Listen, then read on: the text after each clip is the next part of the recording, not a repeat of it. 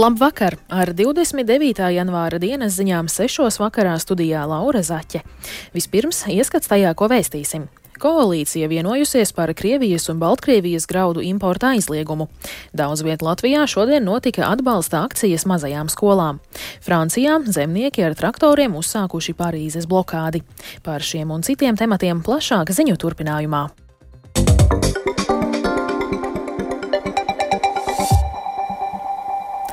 Valdošā koalīcija ir vienojusies aizliegt Krievijas un Baltkrievijas graudu importu Latvijā. Februāra laikā plānots sagatavot un pieņemt saimā attiecīgu likumprojektu.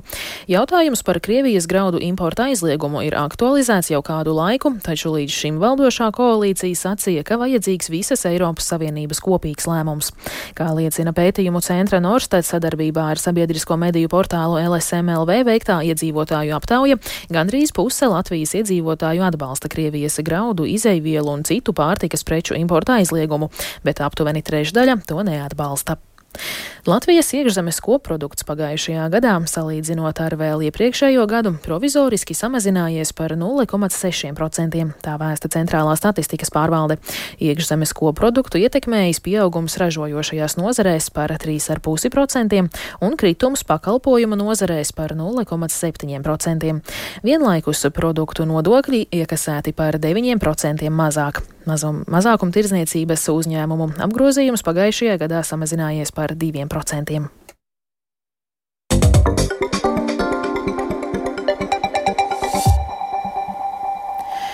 Vairākās Latvijas skolās šodien norisinājās atbalsta akcija mazajām skolām. Tajā vienojās gan daļa publisko, gan privātu skolu audzēkņi, vecāki un darbinieki. Kopīgi dziedot valsts himnu, sanākušie aicināja valdību veidot pārdomātāku skolu tīkla reformu. Kādā ķekavas skolā šodien viesojās arī Latvijas radio. Vairāk klausieties Paulas Dēvicas ierakstā.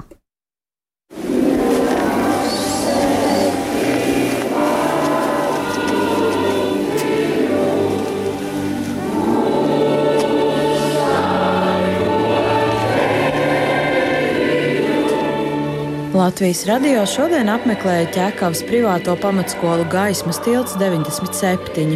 Tur 12. dienā pie nelielās divstāvu skolas ēkas pulcējās bariņš skolēnu, pedagoģu un arī vecāku, un nodziedāja gan valsts himnu, gan skolas himnu un kopīgi vienojās mazo skolu aizstāvībā. Skolu protests ir saistīts ar publiskoto izglītības un zinātnes ministrijas plānu mainīt pedagoģu algu finansēšanas modeli, kas paredz, ka skolu optimizācija varētu notikt straujāk. Privātskolā gaismas tilts satraucas par to, vai jaunie kritēriji varētu attiekties arī uz šīm izglītības iestādēm, turpina direktore Egita Heislere. Šajā brīdī mēs esam vienoti ar pašvaldībām un valsts skolām, jo Katra skola ir sava kaut kāda arī kultūra vide, ar savām tradīcijām, ar, ar, ar nu, respektīvi gadu gaitā izkoptām pamatvērtībām.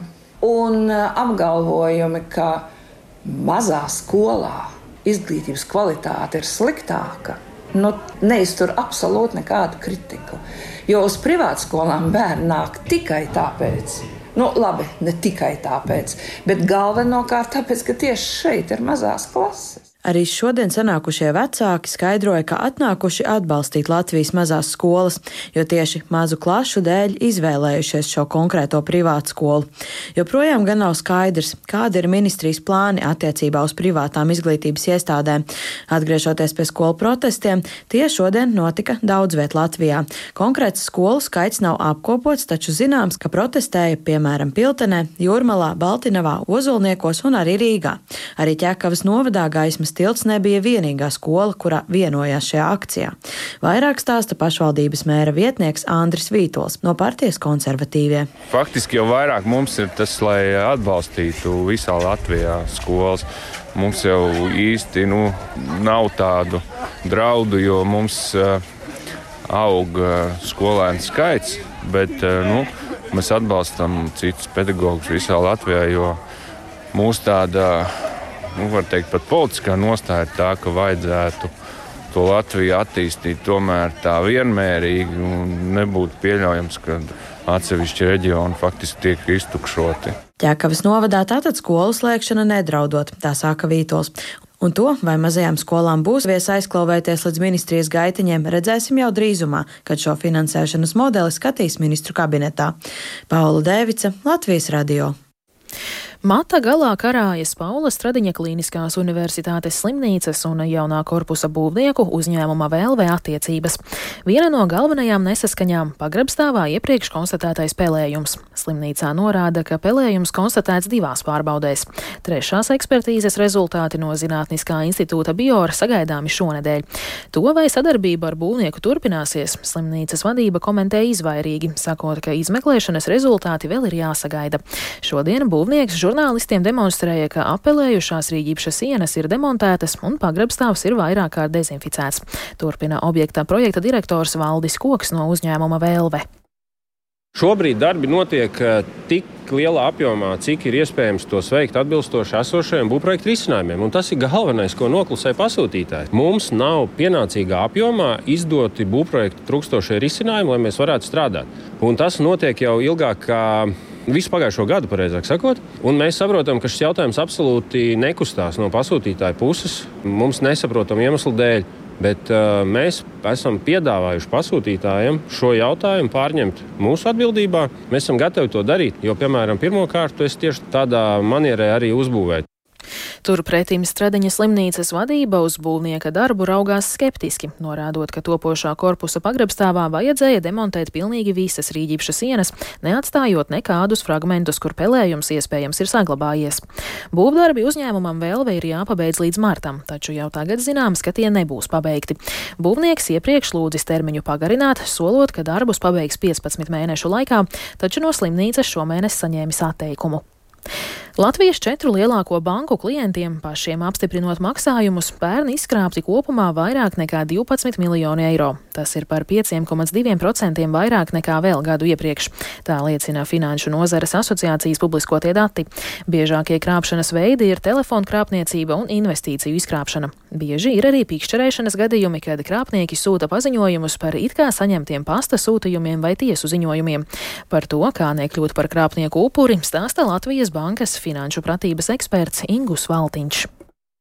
Nekad nevajadzētu sevi identificēt pret tādiem zvaniem vai saņemtajiem sūtījumiem, kur jūs paši neesat inicējuši. Piemēram, ja jūs neesat zvanījis uz banku vai neesat zvanījis uz policiju, pieteicies kaut kādai jūsu aktuālajai lietai, tad uh, droši vien, ka jums no bankas nezvanīs un no policijas jums arī nezvanīs un nelūgs sevi identificēt. Un uh, viena no, ja tā var teikt, vajākajām vietām ir tāda, ka pats iedzīvotājs visbiežāk izpauž savus datus, izpauž savu piekļuvi savai internetbankai, apstiprina maksājumus pirms izlasa, piemēram, Smart ID paziņojumā, par ko šis maksājums ir, kam viņš aiziet.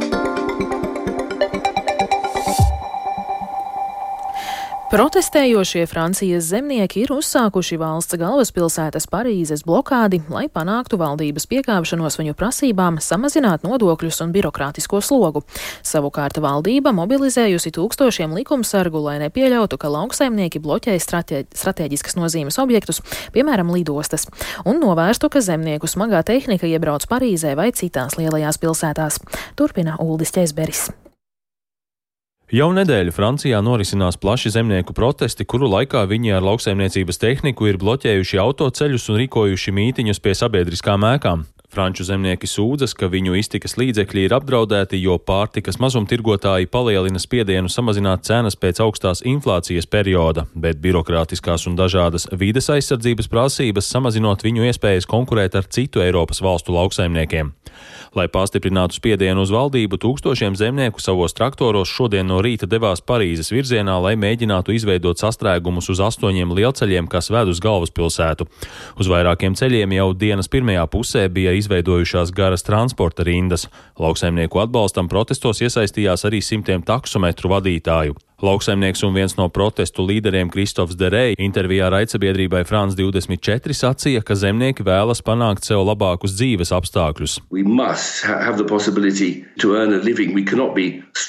Mums ir jābūt iespējai nopelnīt iztiku. Mūs nevar žņaukt, kā tas notiek tagad. Patiesību sakot, mēs mazāk nekā vienas paudzes laikā. No savas zemes īpašniekiem esam kļuvuši par tās nomniekiem, jo nodokļi ir tik augsti, ka vairs nevaram atļauties turpināt apstrādāt apgādāt savu zemi. Tāpēc jaunajai paudzei nav sajūta, ka būtu labi iesaistīties lauksaimniecībā. Protestētāji paziņoja, ka Parīzes lielceļu blokāde turpināsies tik ilgi, kamēr valdība nenāks klajā ar piedāvājumiem, kā reāli atvieglot viņu dzīvi. Arotbiedrības brīdināja, ka zemnieki ir gatavi doties līdz pašai Parīzei. Taču Francijas iekšlietu ministrs Žerāls Dermanēns vakar paziņoja, ka varas iestādes to nepieļaus. Donc, Neviens traktors neiebrauks Parīzē vai lielākajās provinču pilsētās, un arī lielākajām Parīzes lidostām, Roisī un Orlī, kā arī provinču lidostām un starptautiskajiem augļu un dārzeņu tirgiem ir jāturpina darboties un jāspēj apgādāt Francijas reģionus. Šādai aizsardzības pozīcijai ir nepieciešami ļoti lieli resursi. Lai to nodrošinātu, ir mobilizēti 15 tūkstoši policistu un žandarmērijas darbinieku. Dermanēns uzsvēra, ka likumsargu galvenais uzdevums protestu laikā būs rūpēties par drošību un kārtību, tāpēc viņi nevērsīsies pret protestētājiem. Tomēr ministrs norādīja, ka policisti aizsargās sabiedriskās ēkas un ka ārvalstu kravas automašīnām garantēs brīvu pārvietošanos pa Francijas ceļiem. Francijas jaunais premjerministrs Gabriels Atāls piekdien paziņoja, ka valdība ir gatava piekāpties atsevišķām protestētāju prasībām. Viņš solīja atcelt lēmumu par nodokļu paaugstināšanu dīzeļdegvielai, kas tiek izmantota lauksaimniecībā lauksaimniecībā, piešķirt 100 miljonus eiro vētrās cietušo lauksaimnieku zaudējumu sekšanai un sniegt atbalstu vīnkopiem, kas cieš no pārprodukcijas. Premjers arī apsolīja vienkāršot birokrātiskās procedūras, kam ir pakļauti zemkopji. Taču zemnieku pārstāvji paziņoja, ka valdība sola izpildīt tikai dažas no viņu prasībām, tāpēc protestiem ir jāturpinās. Uldis Česberis, Latvijas radio. Ukrainā par korupciju aizsardzības nozarē aizdomās tur vairākas personas, kas mēģinājušas piesavināties vairāk nekā 36 miljonus eiro aizsardzības ministrijas lādiņu iepirkumā. Starp aizdomās turētajiem ir arī vairākas aizsardzības ministrijas amatpersonas, Ļevivā bāzētā militārā uzņēmuma, uzņēmuma vadība, kā arī kāda ārzemju uzņēmuma pārstāvis. No Kijivas stāsta Indra Sprānce.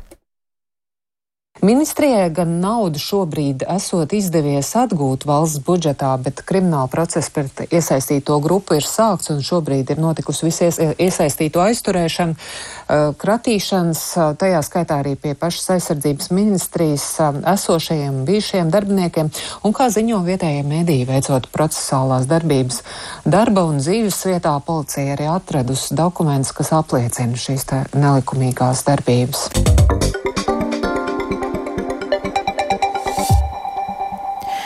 Šodien publicēti jaunākie pasaules reitingi tenisā, un Latvijas sieviešu tenisa pirmā rakete Aļona Ostapenko izkritusi no pasaules ranga desmitnieka vienspēlēs. Vairāk stāsta Māris Bergs. Aļona Stapenko šodien publicētajā pasaules reitingā no 10. vietas atkāpusies uz 12. Viņa Austrālijā Open vienspēlēs izstājās 3. kārtā un tādējādi neaizstāvēja pērni iegūtos punktus par ceturdaļfinālu. Tāpat konkurentes Melburnā nospēlēja labāk, apsteidzot Latvijas tenisisti. Ostapenko nākamais starts jau šonadēļ viņai spēlējot Līncas turnīrā Austrijā. Ja to izdosies uzvarēt, Latvijas tenisiste nākamnedēļ provizoriski var cerēt atgriezties desmitniekā pasaules pasaules reitingā vienspēlēs.